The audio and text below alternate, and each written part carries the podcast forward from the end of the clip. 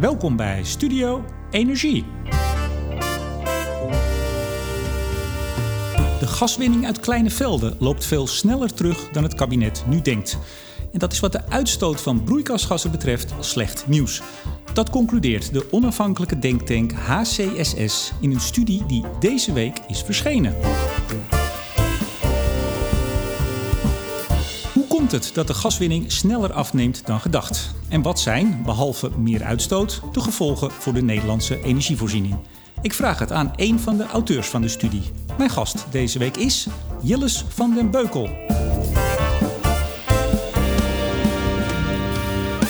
En ook deze uitzending wordt weer mede mogelijk gemaakt door energie- en telecombedrijf Nutsgroep, Team Energie van Ploem Advocaat en Notarissen en netbeheerder Steding. Meneer van den Beukel, hartelijk welkom. Hartelijk uh, welkom Remco. Hartelijk Ja. welkom in Appelscha. Ja, twitteraars kennen u ook als Jilles Appelscha. en Ja. dat is waar we nu zijn, bij u thuis. Ja, over die naam heb ik ooit eh, twee seconden nagedacht. En, Toen wist ik nog niet dat ik serieus ging twitteren. Ja, en nu voor eeuwig eraan vast. Ja, ik denk het wel. Eh, alleen, ja, wat gebeurt er als je ooit uit Appelscha verhuist? Niet dat ik dat van plan ben. Nee, nou, u woont hier prachtig. We gingen bijna in uw, eh, uw apart, los van het huis staande werkkamer. Maar we zitten toch maar even in de keuken.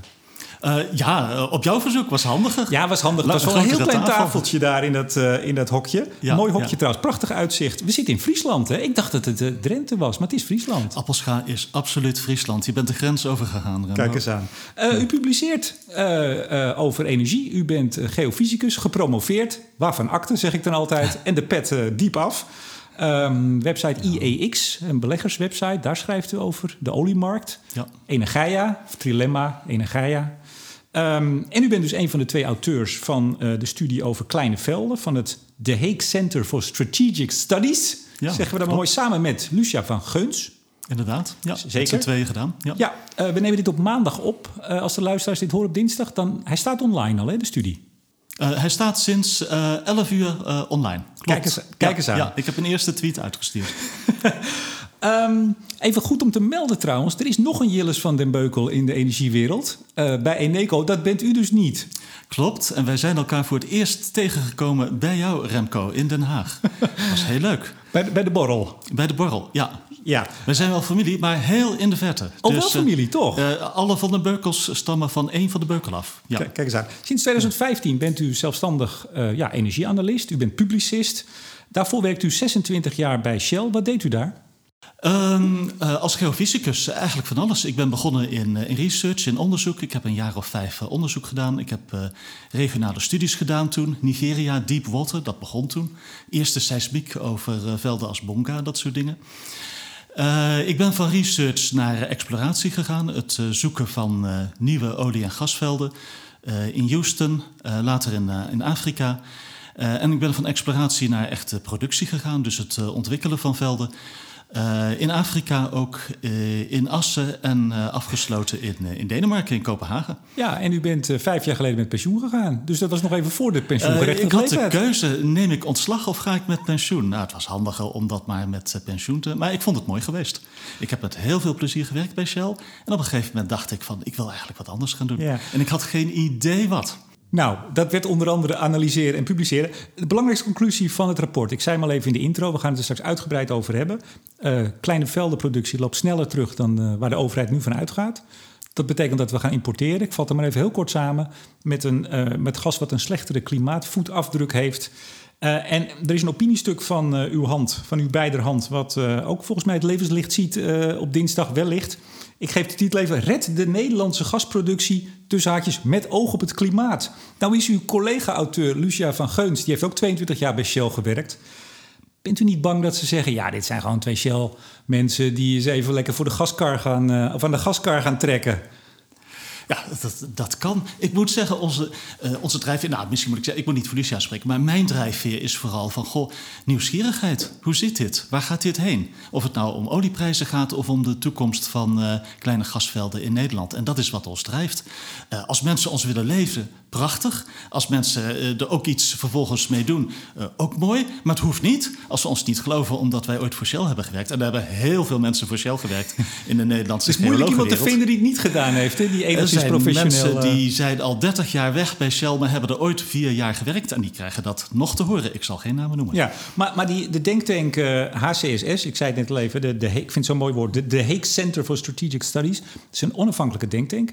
Is, is dit dan in opdracht of bedenkt men dan ineens... we gaan hier eens een studie nee, naar doen? dit is geen opdracht. Uh, voor deze studie krijgen we ook uh, 0 euro. dit is echt... Uh, nee, maar Lu Lucia werkt bij HCSS, toch? Ja, Lucia ja. werkt bij HCSS, maar ja, krijgt daar ook verder. dit is echt van, nou, dit, dit vinden wij interessant om hierover te schrijven. Wij lopen al heel lang mee in de olie- en gaswereld. En ik vind het, het geeft misschien toch een extra dimensie als je weet hoe die olie- en gaswereld in elkaar zit. Uh, er is in, in Nederland wel. Uh, nou ja, er hoeft geen uh, begrip voor de olie- en gaswereld te zijn, maar het zou wel leuk zijn als er wat begrip van de olie- en gaswereld was. Ja, en het zijn twee uh, werelden die ver uit elkaar staan, Nederland en de olie- en gaswereld. Ja, daar draagt u ook aan bij met uw columns en uw analyses, et cetera. Dat het ver uit elkaar staat? Of, uh... Nee, nee, nee, om daar begrip voor te krijgen ah. en inzicht te geven, toch? Ja, ja, ja. Nee, ik, ik, ik probeer wat, uh, okay. wat, wat uit te leggen. Ja. Nou, nou gaat deze studie over de kleine velden, velden, de verslechtering, in het Engels de deterioration of de, wat is het, small fields? Nou, ja, ja. ja, of Dutch small natural gas fields. Ja. Zet een natural maar voor, hè. er zijn meerdere soorten gas. Toch even, misschien voor luisteraars die niet heel diep in de in de, de gaswinning zitten. Even het onderscheid tussen Groningen, waar we het meestal over hebben, of waar de mensen ja. het meestal over denken te hebben, en de kleine velden. Hoe verhouden die zich tot elkaar? Uh, door de geschiedenis heen ongeveer één op één. Dus ruwweg is er evenveel uit kleine velden als uit Groningen geproduceerd. Behalve in de jaren 70. Toen was het echt Groningen, wat uh, toen in, in die tijd 80, 90 miljard kuub per jaar produceerde. Uh, die hebben, productie hebben we toen heel ver uh, opgedraaid, omdat we dachten dat uh, nucleair er aankwam en dat zou alles overnemen. Nou, dat bleek anders te lopen. En daarna, eigenlijk van 1980 tot ruwweg 2010, hebben Groningen en de kleine velden ongeveer evenveel geproduceerd. En ja. eigenlijk is dat nu nog zo, 2018. Groningen iets meer dan 18 en de kleine velden 16,2 miljard kuub. Ja, en in de jaren 70 is het, het bekende kleine veldenbeleid ingevoerd, wat ervoor moest zorgen dat eigenlijk die eerst die kleine velden werden leeggehaald en Groningen eigenlijk als een soort bijregelaar. Als het te weinig uit klein was, dan zouden we Groningen ja, wat meer doen. De twee aspecten van Groningen als bijregelaar, die dus de productie in de koude winter voor de rekening nam. Uh, en daarnaast ja, Groningen bewaren als strategische reserve voor onze kleinkinderen, zeg maar. En dat kleine veldenbeleid, ja, dat heeft serieus goed gewerkt. Uh, er is heel veel productie uit kleine velden vervolgens uh, op gang gekomen uh, in de jaren 80, in de jaren 90. Ja. ja. En nog steeds wel een beetje. Ja. Nou, nou weten we van Groningen dat in ieder geval het kabinet wil het graag in 2022 dicht. Of dat nou ook helemaal gaat lukken, dat is dan nog even de vraag. Maar dat is het streefdatum voor Groningen. Ik denk, ik denk ook wel dat dat gaat lukken ja? in 2022. Moeten ze niet nog een beetje stand-by blijven staan voor hele koude winters? de NAM gaat alles eruit trekken. Uh, alle completions, alle compressors, uh, tenzij EZK anders aangeeft, uh, is er in 2024 echt niks meer over van al die faciliteiten. En kun je ook niet zomaar meer 1, 2, 3 produceren. Maar wanneer komt de laatste kuub uit het Groningenveld? Ik denk 2022, want waar dat van afhangt is of die conversiecapaciteit om hoogkalorisch gas te converteren naar Groningen spec.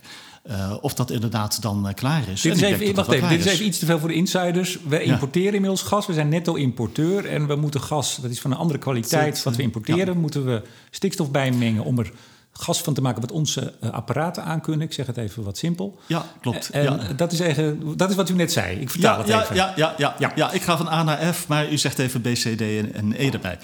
Ja, zeker.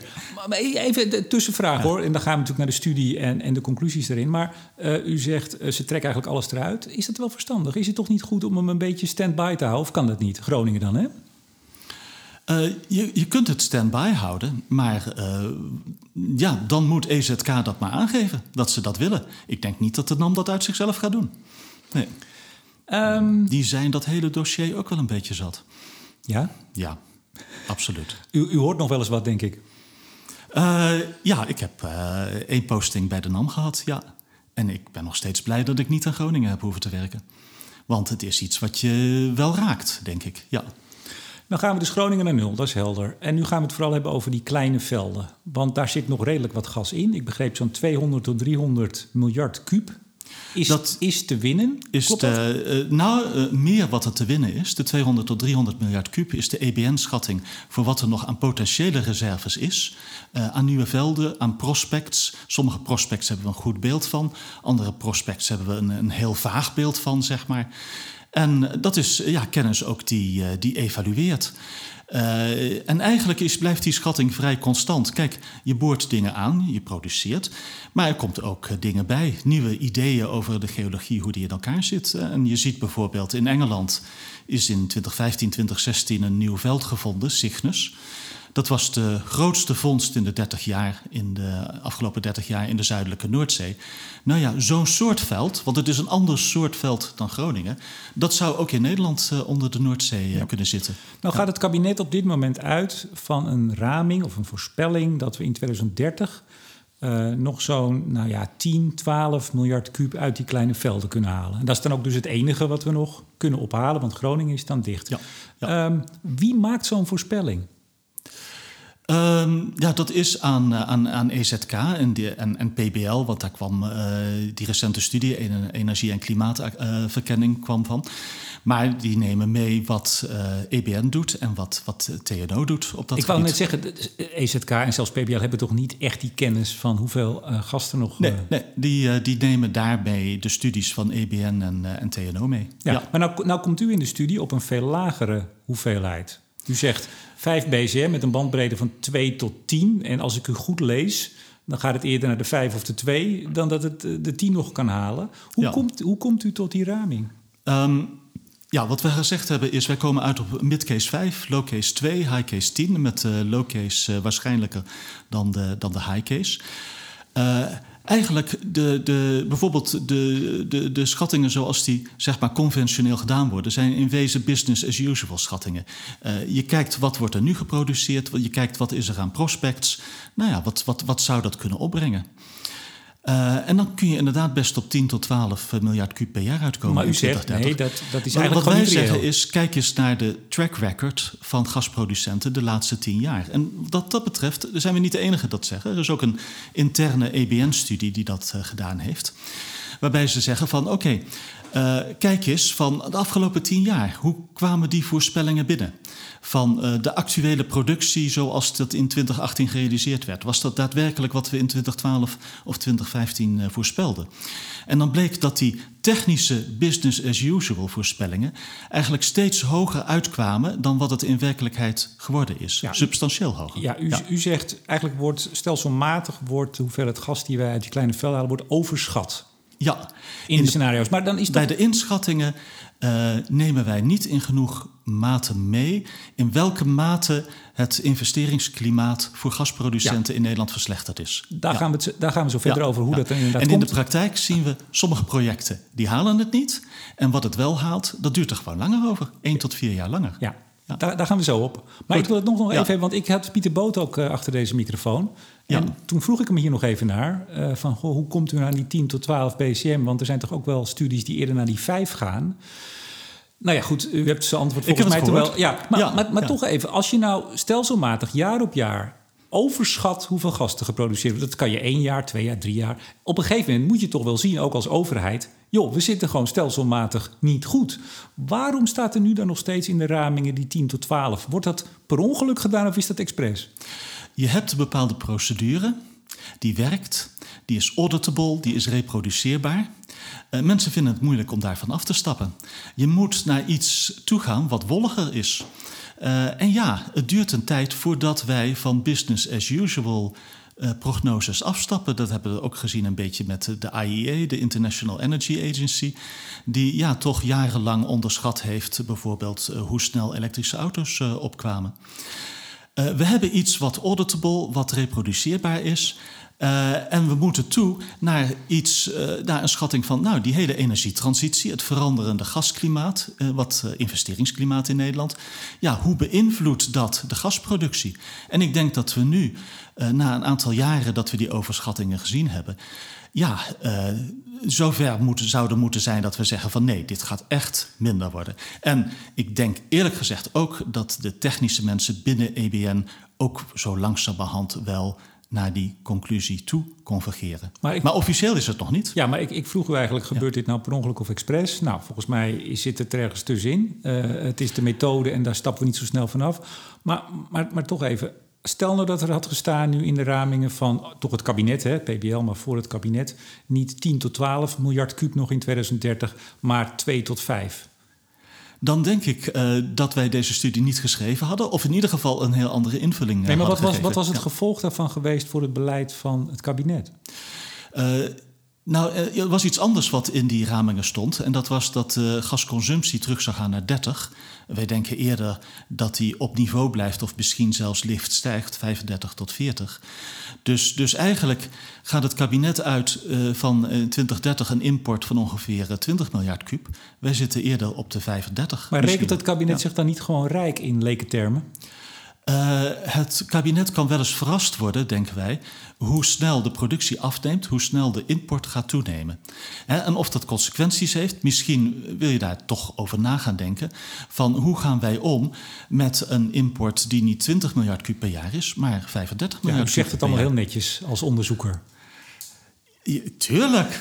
uh, van, uh, ik bedoel, wij, wij proberen echt een, een puur technische studie te doen. Ja, met uh, nou ja, een beetje discussie van wat voor consequenties zou, zou het kunnen hebben. Maar onze insteek is vooral, ja, wij denken echt dat de Nederlandse overheid onderschat hoezeer en hoe snel de Nederlandse gasproductie uit kleine velden naar beneden gaat. Goed, we, gaan naar die, die oorzaken. Want u, hebt, u zegt ook, u laat in een, een staatje zien de, het aantal geboorde putten. Uh, nu zo'n 80% minder wordt er geboord dan tien jaar geleden. Terwijl de schattingen van die reserves eigenlijk gelijk blijven. Dus da daar zit niet de, de reden in. Potentieel is nog steeds aanwezig. Ja. ja, Uh, u, u, noemde het net al even snel, maar laten we er iets, iets verder op doorgaan. Uh, producenten blijken dus niet in staat om de mogelijkheden die het geologisch biedt, Nederland, om die maximaal te benutten. Laten we eens even aflopen. Wat zijn de redenen daarvoor? Uh, voor de terugnemende productie, ik denk uh, drie redenen, drie factoren. Uh, ten eerste is het inderdaad zo dat de kleine velden die in de jaren 80 van de vorige eeuw gevonden zijn, nu steeds meer leeg proberen te raken. De nieuwe velden die je vindt zijn wat kleiner van omvang. Je moet er wat meer moeite voor doen. Het is ook een ander soort geologie. Het is niet meer dezelfde roodliggende zanden als, uh, als in Groningen bijvoorbeeld. De, veel van de kleine velden. Roodliggend, sorry. Uh, daar gaan we weer met een uh, term. het reservoirzand, het zand waar het gas ja. in veel gasvelden in Nederland. Een term die dateert van Duitse mijnbouwers. Het ziet ook inderdaad rood. Ja, het is allemaal wat moeilijker om gas uit de grond te halen. Mag ik hem ja. zo vertalen? Ja. Oké. Dan komt er een tweede. Dat is wat ik zou zeggen een verslechterend investeringsklimaat, maar door redenen waar we niets aan kunnen doen, internationale ontwikkelingen. We zien dat LNG een grotere uh, concurrent wordt voor lokale gasproducenten. Ja, vloeibaar gas wat bijvoorbeeld vloeibaar uit Amerika gas. komt. Ja, wat uh, uit Amerika komt, maar echt niet alleen uit Amerika. Uh, vloeibaar gas in Nederland, dat komt uit Qatar, dat komt uit Rusland ook, Arctic LNG. Dat komt inderdaad uit Amerika, schadigas. En die import van LNG neemt nu echt heel snel toe. En het is er ook de reden voor dat gasprijzen in Europa het laatste jaar, twee jaar, omlaag zijn gegaan. Ja, en dus wordt het uh, minder aantrekkelijk om zelf hier te gaan boren en het omhoog te halen. Klopt. En dat is een internationale ontwikkeling waar je heel weinig aan kunt doen. En dan is er een, een derde punt. Uh, het leven van gasproducenten in Nederland is er echt niet uh, makkelijker op geworden. Is het niet makkelijker geworden of is het heel moeilijk geworden? Zeg maar gerust heel moeilijk. Um, je hebt in Nederland nou, als, als, als, als vuistregel, alles duurt in Nederland twee keer zo lang. Dan? Als bijvoorbeeld in Engeland of in Noorwegen. Uh, daar zijn ze ook bezorgd over het klimaat. Maar zijn ze ook uh, van opvatting van, nou ja, je kunt beter uh, gas lokaal uit je eigen gebied halen. Wat met een veel lagere uitstoot van broeikasgassen gepaard gaat als wanneer het LNG is of uit Rusland komt. Dus voor het klimaat is het goed om dat uh, lokaal te doen. Maar om terug te komen, dus een stukje belastingregime. De belastingen in Nederland, het hele pakket, want je kunt er moeilijk één ding uitlichten. Maar het hele pakket is in Nederland wat minder gunstig dan bijvoorbeeld in Engeland. Of, ja, tot, uh, tot een aantal jaar geleden konden ze zelf bepalen hoe ze afschreven. En dat kan ook niet meer, dat is ook niet positief. Nee, dat is al in, in, in 2003 of 2005. Dat was eigenlijk het eerste punt waarin het uh, investeringsklimaat uh, minder begon te worden. Ja, maar het grootste probleem is niet de belastingen, maar zijn de langdurige procedures en de gedachte: wat hangt mij boven het hoofd? Als je een gasveld ontwikkelt, je hebt een hele serie dingen die je doet. Uh, je schiet seismiek, uh, je boort een put, je moet misschien nog meer putten boren, je moet een pijpleiding doen, je moet uh, MERS schrijven, permits aanvragen. In die hele keten is er steeds een risico in Nederland dat er één of twee dingen uitvallen, waardoor het hele circus stil komt te staan. Ja, en, en dat, dat gebeurt regelmatig. En geldt dat zowel voor op land onshore als offshore op zee? Dat geldt vooral voor onshore als voor offshore. Al zijn uh, de specifieke dingen iets, iets, uh, iets, iets anders. Je ziet op land bijvoorbeeld dat gemeentes of provincie echt hun uiterste best doen vaak om dit uh, lange tijd tegen te houden. Terwijl ze er eigenlijk, het is eigenlijk, het is eigenlijk aan, aan, aan, EZK, aan de minister. Bij de Raad van State krijgen ze ook vrijwel nooit gelijk. Maar ze gaan soms wel door echt tot aan het gaatje. Ja, vrijwel nooit, dus soms wel. Uh, ik zag uh, recent de Raad van State voor een onderzoek van seismiek dat ze wel gelijk hadden gekregen. Eén gemeente van de tien in, uh, in Friesland, dat ging om Vermillion. en daar was dan de argumentatie: Vermillion heeft niet genoeg documentatie aangeleverd. Noemen we dat dan een formeel bezwaar? Ja, ik denk het wel. Hm. Ja. En nou, nou bleek ook nog, of blijkt ook nog, dat door de stikstofcrisis er ook nog eens eigenlijk alles plat ligt. Ja, en iedereen weet dat dat het geval is voor de agrarische sector, voor de bouwsector. Maar dat geldt net zo goed voor, voor de gaswinning. Er ligt heel veel stil op dit moment en dat is nog steeds niet opgelost. En je ziet ook dat uh, Nogepa, de brancheorganisatie, daar nou ja, echt toch een, een, een not as usual brandbrief over heeft, heeft gestuurd naar, naar het ministerie. Van goh, realiseren je, jullie wel hoe slecht dit gaat en hoe groot de consequenties zijn? Maar ik, ik hoor ook wel eens geluiden uit de, de, de, de producenten, en met name ook onshore, uh, die zeggen: uh, volgens mij wil EZK helemaal niet meer dat wij gas gaan winnen. Zeker niet op land. Ik denk dat EZK dat wel wil, maar dat het uh, probleem is voor EZK ook dat het klimaat daarvoor heel moeilijk ligt. Maar de, de vergun, ik begrijp dat de vergunningen, ja. als je een vergunning aanvraagt, dat het toch ongeveer in Volgens mij gaat er een koffiemachine hier uh, ineens ja, die, geluid die, maken. Die, die gaat nu stoppen. Oh, die gaat stoppen. Nou, ja. gezellig. Vijf seconden om eruit te knippen, Remco. Nee hoor, dat laten we er gewoon in.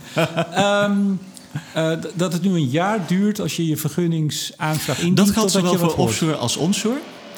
Het... Uh, maar dat was vroeger korter. Dat was vroeger een stuk korter. Ze hebben nou... op EZK gewoon mensen te weinig om dat uh, snel te kunnen verwerken. Ja, maar goed, als je, nee, maar wacht even. Ja. Als je nou als, als overheid, als je als kabinet, als je als rijksoverheid nou wil... Stel dat ze zouden willen dat die gaswinning op peil blijft... of sterker nog, misschien een beetje wordt opgevoerd om redenen waar we het straks verder over gaan hebben. Dan zorg je toch dat je genoeg mensen hebt. Dan ga je er toch juist vaart achter zetten. Maar wat als je een beperkte pool met mensen hebt... en je moet ze verdelen over het klimaatdossier... wat absolute topprioriteit krijgt, of gaswinning... wat je wel zou willen, maar geen absolute topprioriteit krijgt. En ik denk dat dat wel een beetje is wat u zegt, u zegt EZK wil wel, maar EZK voert uit wat het kabinet wil. En dat kabinet zit ook partijen als de ChristenUnie en D66. En daar proef ik althans weinig liefde voor gaswinning. Nee, dus EZK constateert dan op, uh, dat op het gebied om voor bepaalde maatregelen iets te doen, procedures te verkorten, uh, iets met belastingen te doen, dat het. Uh, uh, de politieke wil om dat erdoor te krijgen relatief klein is. Oftewel in EZK-termen, uh, het valt buiten de politieke beleidsrealiteit. Zo noemen ze dat daar. Ja, dat zijn toch gewoon mooie woorden van jongens, laat, het, laat die gaswinning gewoon lekker, lekker sterven. Uh, figuurlijk dan, hè? laat het afsterven. Nee, laat het ik denk dat het verhaal dat het zinvol is om de kleine gaswinning door te laten gaan. Voor financiën, voor leveringszekerheid en voor klimaat. Uh, dat uh, EZK-minister Wiebes daar best van overtuigd zijn. Maar hun middelen om dat te door te krijgen in de BV Nederland zijn beperkt. Ja. Ziet u deze situatie? U schetst de, de, de problemen eigenlijk. U schetst, het gaat over belastingen. In andere landen is dat wat gunstiger. U schetst procedures. Die doen hier twee keer zo lang als in Noorwegen of, of of uh, Groot-Brittannië, waar men ook naartoe kan als producent. Hè? Dat is niet heel veel ja. moeilijker. Ziet u die, die situatie verbeteren of verslechteren de komende jaren? Uh, ik, ik, ik zie het niet verbeteren. Ik zou hopen dat het verbetert. Ik denk dat het zin heeft, maar ik zie het niet echt verbeteren. Nee. Dan ziet u hem nee. verslechteren of blijft hij gelijk? Uh, het blijft gelijk of het... Ja, of het verslechtert, uh, denk ik. Ja, ja. Ik, ik, heb er een hard hoofd in dat dat werkelijk gaat veranderen. Het, het, betekent eigenlijk uh, de gunfactor voor gas zou moeten terugkomen in Nederland. En dat zie ik niet zo snel gebeuren. Maar het zou rationeel gezien goed zijn als het wel gebeurde. Het heeft werkelijk zin om uh, Nederlands gas uit de kleine velden wat meer door te produceren en te voorkomen dat je steeds meer importeert uit, uh, uit Rusland. Ja, want we, hebben het, we hebben het helemaal niet over Groningen. Dat is eigenlijk voor iedereen wel een gedane zaak. Ik denk dat Groningen een dossier is wat uh, heel veel mensen en stakeholders niet meer willen heropenen. Nee valt gewoon, daar, daar, gaat niemand meer uh, zijn vingers aan branden. Misschien over tien jaar, maar op dit moment echt niet. Maar goed, dat kan dan niet meer uh, als, alles, uh, als de nam alles eruit trekt. Je, je, als je alles eruit trekt, niets belet je om in 2030 bij wijze van spreken nog een paar putten te boren en een, en een stukje pijpleiding neer te leggen. Maar je ontgint dan als het ware weer een nieuw veld. Je begint weer helemaal van, uh, van nul. Dat dus, zie ik niet gauw gebeuren. Dus u zegt, uh, vergeet die 10 tot 12, we gaan in naar de 5. En de kans dat het de onderkant van de bandbreedte wordt, die 2, of misschien wel bijna niks, las ik, dat, die is zeer reëel. Laten we, dus dat, dat is de productie. Nederland is dan uh, nou ja, eigenlijk bijna geen gasproducent meer. Hoeveel gebruiken U, u noemde het net al even, we hadden het over 35 miljard kub. Ik dacht dat we nu nog steeds op een stuk of 40 zaten. Uh, nee, we zitten zo rond de 36, 37, dacht ik op dit moment. Miljard zo? Kub. Ja, dacht netto? Ja. Oh, ik dacht, ik haal het 40 aan. Uh, consumptie, hè, in Nederland. Ja. ja. Maar in ieder geval, je ziet het weer stijgen richting 40. Het is van 2010 tot 2014 langzaam wat gedaald. En vanaf 2015 ongeveer is het, uh, is het langzaam wat uh, gestegen. Nou is het idee en ook, uh, ik zou bijna zeggen, de, de retoriek en de, de berichtgeving van het gas af. Daar hebben we het natuurlijk vooral over in de woningen. Maar het beeld bestaat dat Nederland van aardgas met aardgas gaat stoppen. Ja, dat ziet u dus ja. helemaal niet. Dus van gas af is prima voor in de, bijvoorbeeld de bebouwde omgeving. Daar heeft het zin voor het klimaat. Maar in de productie niet. En veel mensen maken dat onderscheid, uh, denk ik niet. In wezen is van gas af of van gas los een beetje een ongelukkige term. He, want mensen gooien consumptie en productie op één hoop. Maar je helpt het klimaat niet door de Nederlandse gasproductie te bemoeilijken. Maar, maar u, ja. spreekt u wel eens politici overigens, als, als analist-onderzoeker? Uh, ik, ik, ik, spreek van alles. Maar uh, juist geen weinig, namen te noemen hoor. Bij juist weinig politici van dat alles. Maar, maar, ja. de, maar, denkt u dat er nu politici zijn in de Tweede Kamer uh, en van de coalitie die hardop zullen zeggen dat we in 2030 evenveel of misschien zelfs nog wel meer gas gebruiken in Nederland dan dat we nu doen? ik, ik, ik, zou hopen dat politici zich dat aantrekken. Nee, maar hoort, hoort u wel eens iets in die richting? nee. Ze denken het misschien, maar je zullen het niet hardop zeggen. Gas is toch een moeilijk dossier geworden in Nederland. Ja.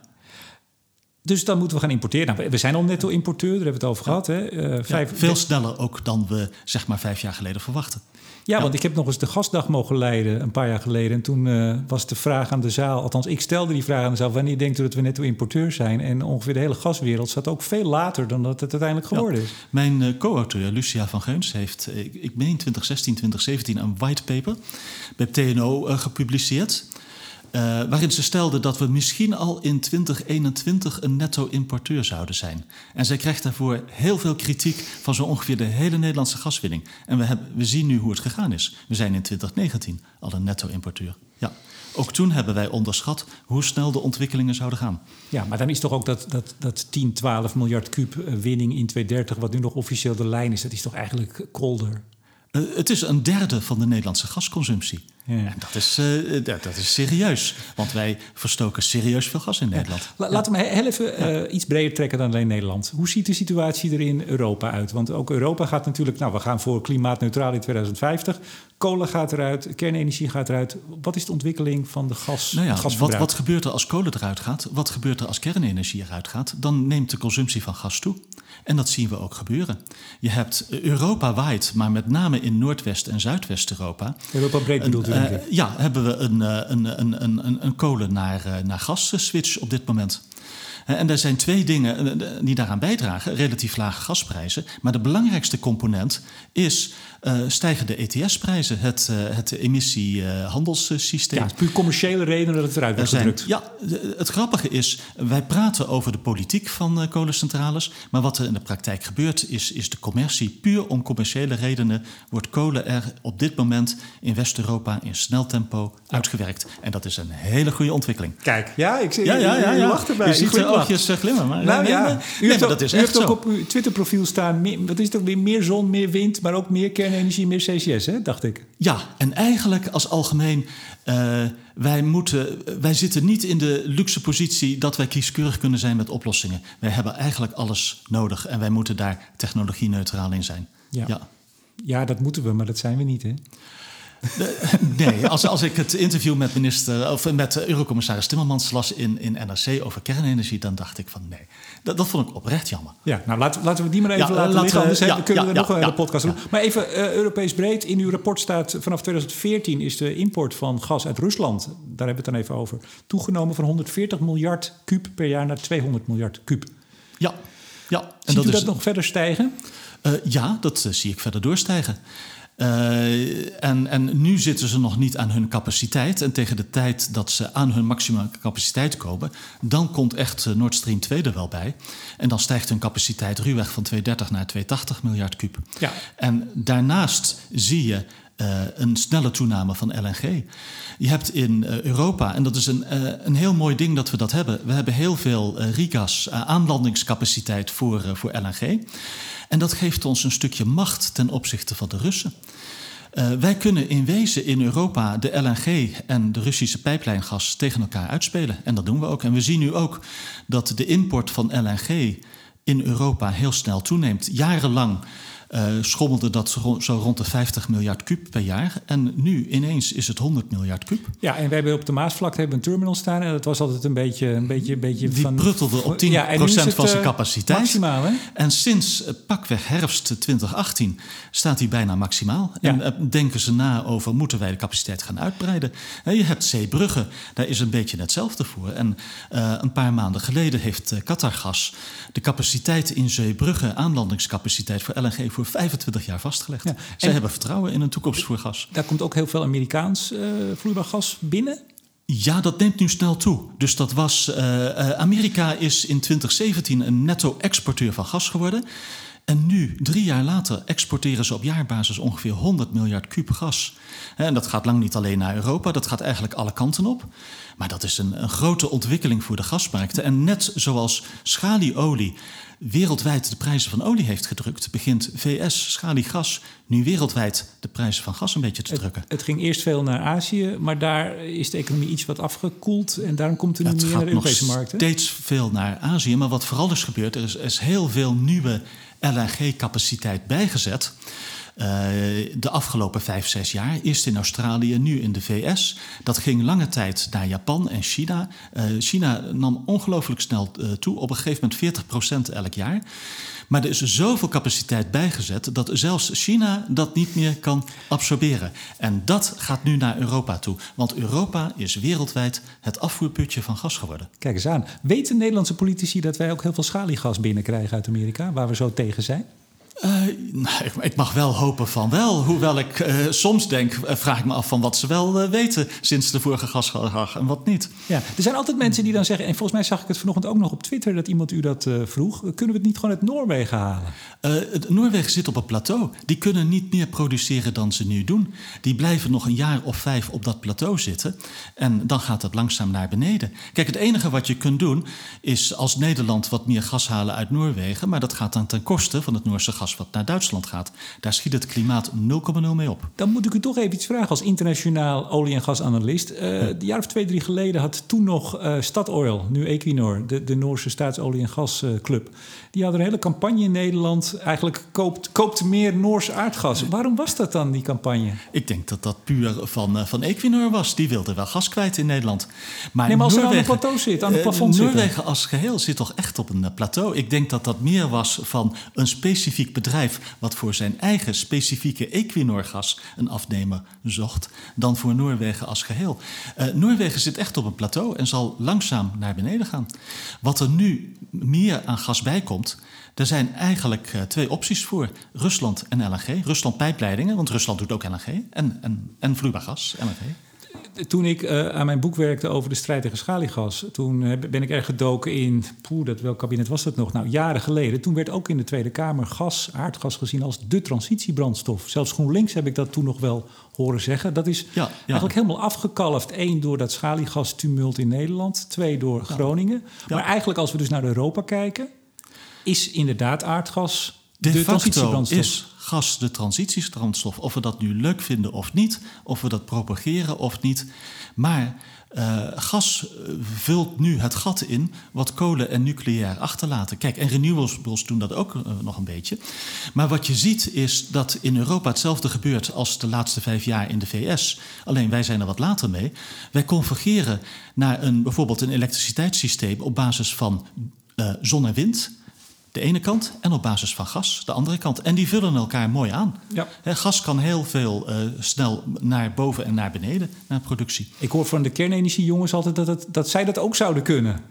Maar niet zo goed als gas.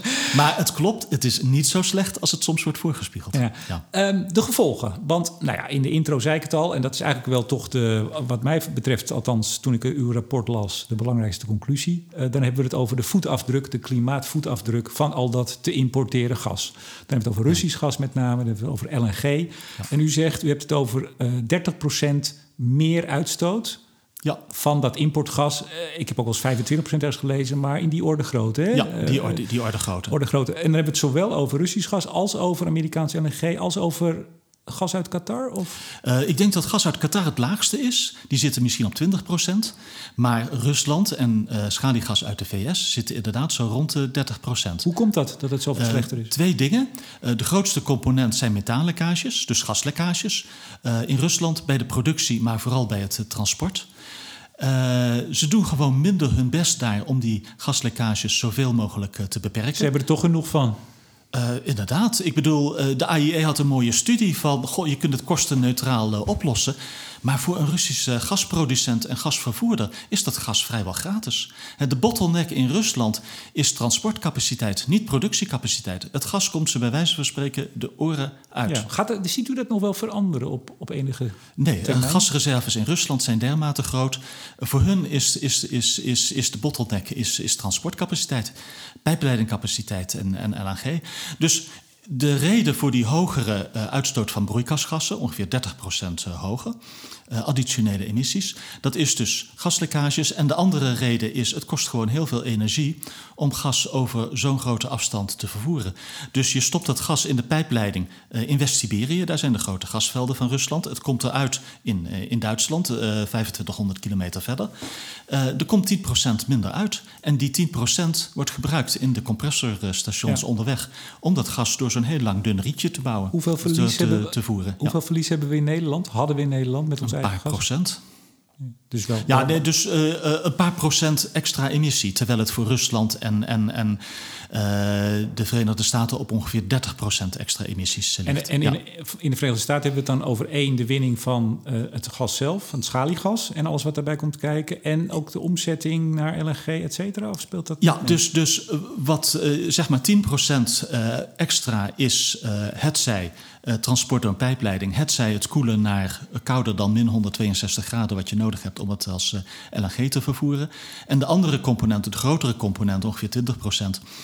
Uh, dat is uh. Wat dat betreft doet de VS het niet veel beter dan veel derde wereldlanden. Europa doet het heel netjes en heel goed qua gaslekkages. Dat is ook denk ik echt wel onomstreden. Je hebt de rapporten van TNO, academische studies. CE Delft heeft er ooit een studie over geproduceerd. Dat doen ze in Amerika niet zo netjes. Ik hoop dat dat gaat veranderen.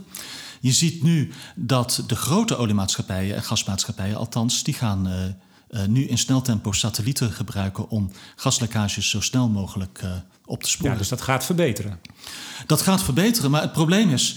Het probleem zijn niet de, de grote producenten, het probleem zijn de kleine producenten wereldwijd. Toch maar goed, wel. het moet ergens beginnen. Eerst de ja, grote en dan. Absoluut. Hè? Ja, ja.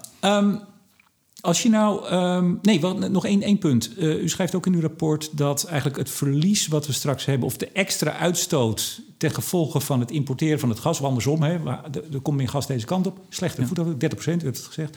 Dat doet eigenlijk uh, ons aandeel zon en wind in Nederland en de winst die we daarmee halen als het gaat over het klimaat, volledig teniet. Ja. Dat is wel een hele sombere uh, conclusie, hè? Uh, het, het, is een heel somber aspect van deze hele materie, want wij doen vreselijk ons best. En het is ook heel goed dat wij ons best doen om meer elektriciteit uit zon en wind te krijgen. Maar het, het klopt wel. Uh, ga even uit van uh, 10 miljard kuub. Zoveel speelt er bijvoorbeeld voor kleine velden. We laten Groningen er even buiten. Als het 30% meer is, dan krijg je zeg maar de extra emissie van het verbranden van, van, van 3 miljard kuub aan, aan gas.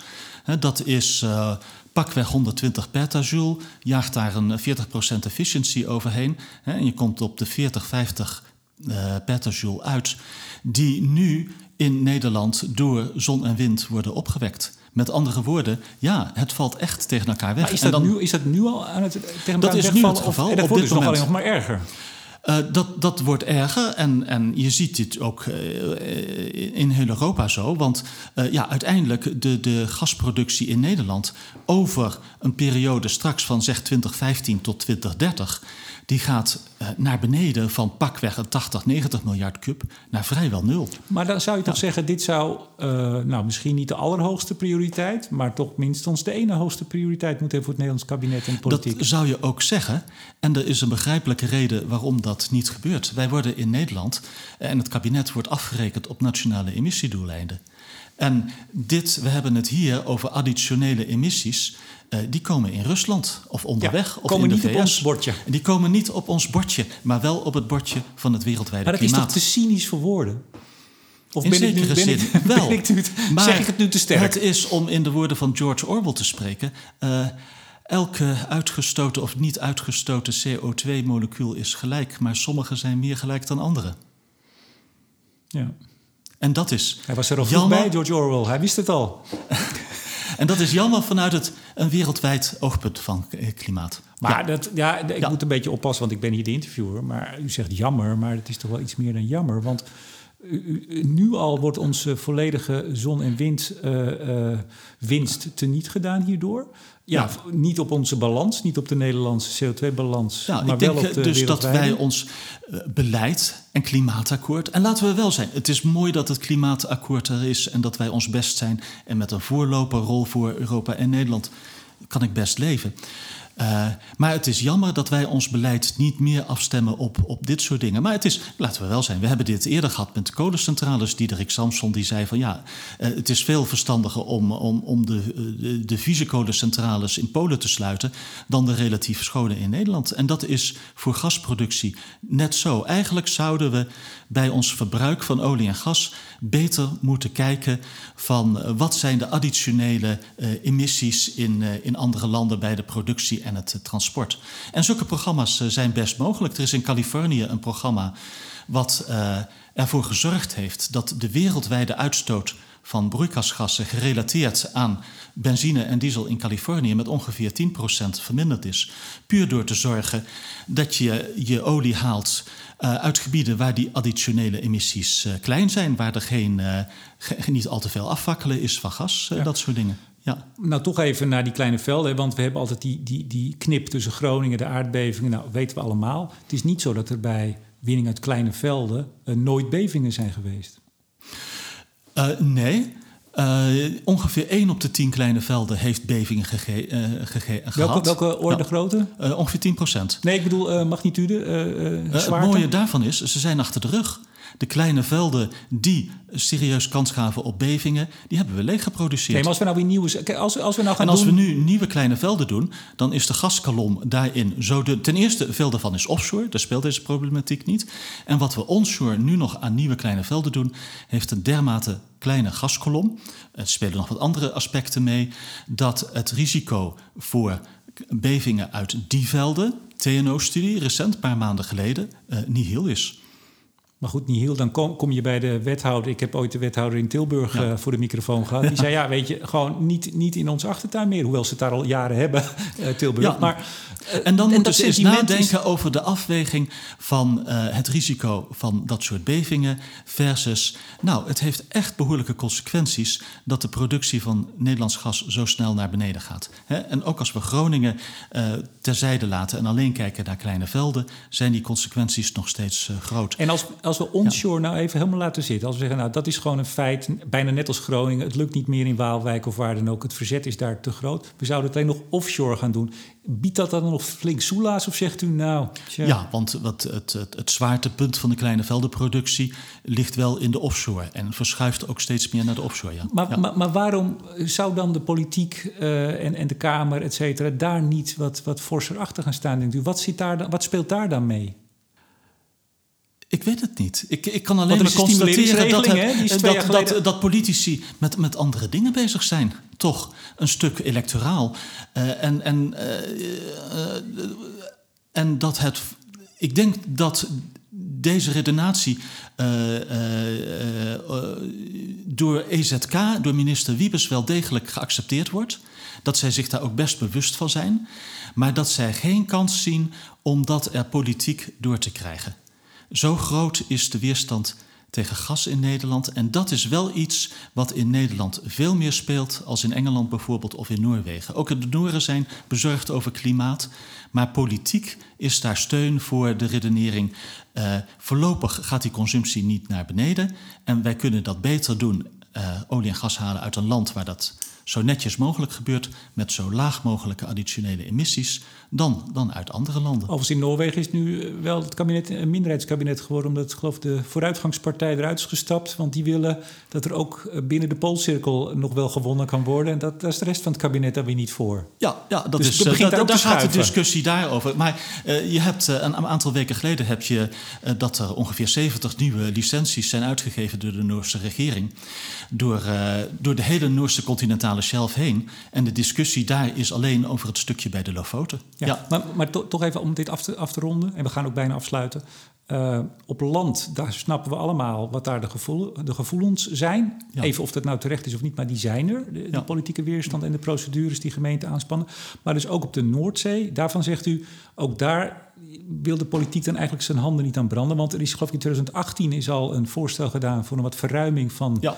eigenlijk een soort stimuleringsmaatregel. Ja. Nog steeds niet ingevoerd. Dat is A, een druppel op de uh, geluurde plaat. En B, inderdaad nog steeds niet, waarom niet, niet ingevoerd. Weet, weet u waarom? Uh, nee, ik weet het niet. Ik hoor wat geluiden rondzoomen dat het ligt op Brussel. En mag dit van Europa? Maar als, als uh, Noorwegen en, en uh, Maar ik moet erbij zeggen, dat zijn geluiden die ik rond heb horen zoomen. Of dat werkelijk zo is, weet Zeker, ik niet. maar ik begrijp uit uw rapport dat zowel de Nooren als de, de Britten... een veel ruimhartiger stimuleringsbeleid hebben. Dus op staatssteun kan het dan bijna niet hangen als zij... Nee, maar dat gaat meer over... van oudsher heb je een, bijvoorbeeld een lagere uh, direct tax stake in de UK... van 30% versus 50% in Nederland. Dat gaat mij allemaal dus... ver boven de pet, dit soort zaken. Dus, Sorry. Nee, nee, nee, nee, ja. ik vroeg het u, dus dank. Ja. Wat moet er gebeuren? U heeft het eigenlijk al een beetje gezegd, maar laten we het even samenvatten tot slot.